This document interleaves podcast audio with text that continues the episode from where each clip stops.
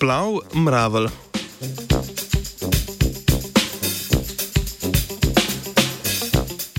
Eno izmed oblik kolektivnega vedenja živali opazimo pri mravljah. Denimo, ko skupaj prenašajo veliko žuželko, se borijo proti napadalnemu sovražniku ali gradijo splav. Rdeče ognjene mravlje se s telesi postavijo v obliko splava, kar jim omogoča plavanje in tako preživijo poplave. Tajvanska znanstvena skupina je splav mravelj obravnavala kot elastično membrano in preučevala njegove mehanske lastnosti. Izsledke so objavili v reviji Physical Review E.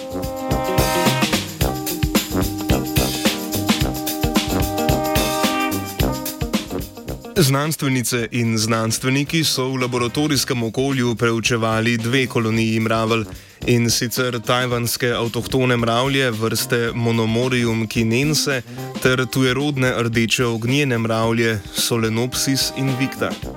Osebki obeh vrst so veliki približno 5 mm. V prvem delu eksperimenta so mravlje postavili v posodo z vodo med dve palici.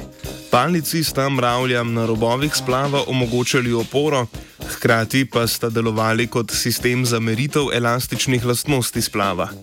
Eno palico so fiksirali, drugo pa vlekli s konstantno hitrostjo in opazovali, kako se mravlje znotraj splava prerasporejajo.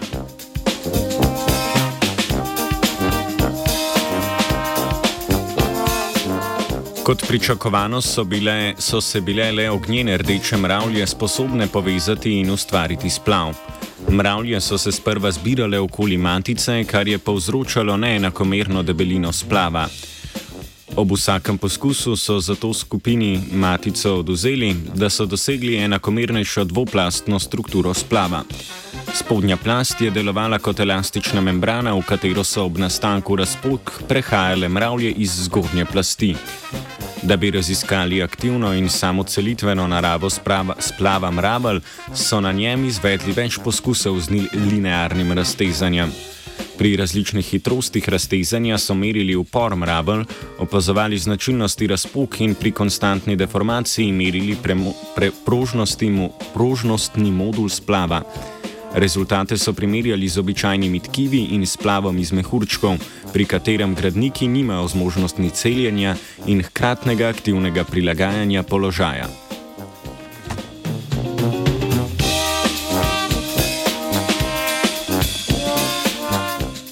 Ker mravlje potrebujejo določen čas, da zapolnijo razpoke v splavu, je hitrost raztezanja vplivala na druge lastnosti splava.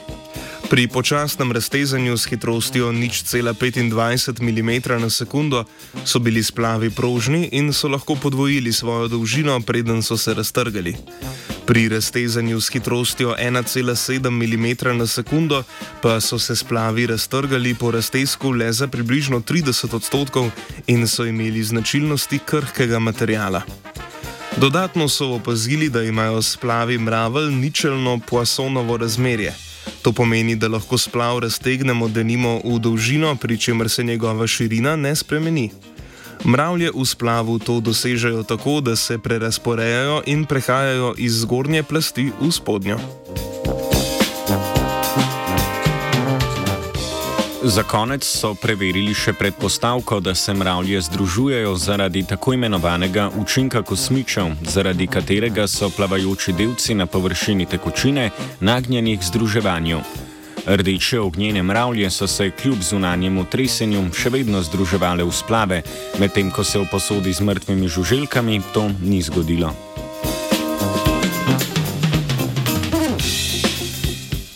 Plavanje mravelj je opazovala Tina.